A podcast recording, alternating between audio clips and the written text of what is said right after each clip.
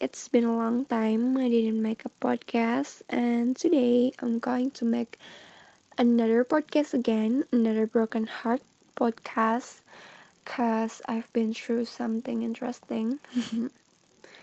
okay, um, a few days ago, I'm confessing my feelings to my crush on a call. So, I think it was my very first time, and before I'm doing that, I knew that maybe I will get another broken heart. So let's talk about him. He is my classmate at high school. I don't know why I like him, but he seems very, very attractive for me. He seems attractive when he playing basketball or another sport things. He looks like a smart guy. He's friendly, but he didn't flirt with the girls like other friendly boys did. I think he's just my type.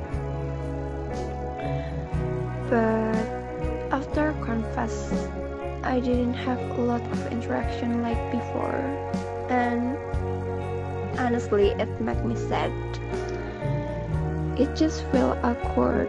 I never heard he call my name again.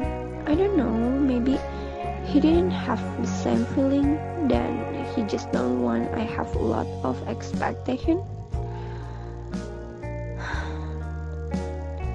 I really like him.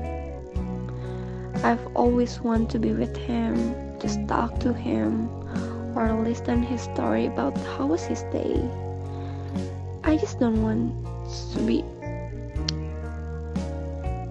a stranger for him want to be the one he need.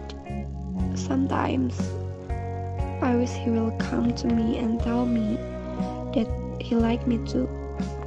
I want to be that girl. The girl who he was one after all this time. Only if you knew how much I like you. but I cannot force him to like me. And now I just listening. I love you but I'm letting go by Pamungkas all day because I think that song really really relate and I think I should keep up with him. I love him but if he didn't love me back I just need to let him go right need to always support him. Because you know when I was listening that songs I have my line like my favorite line.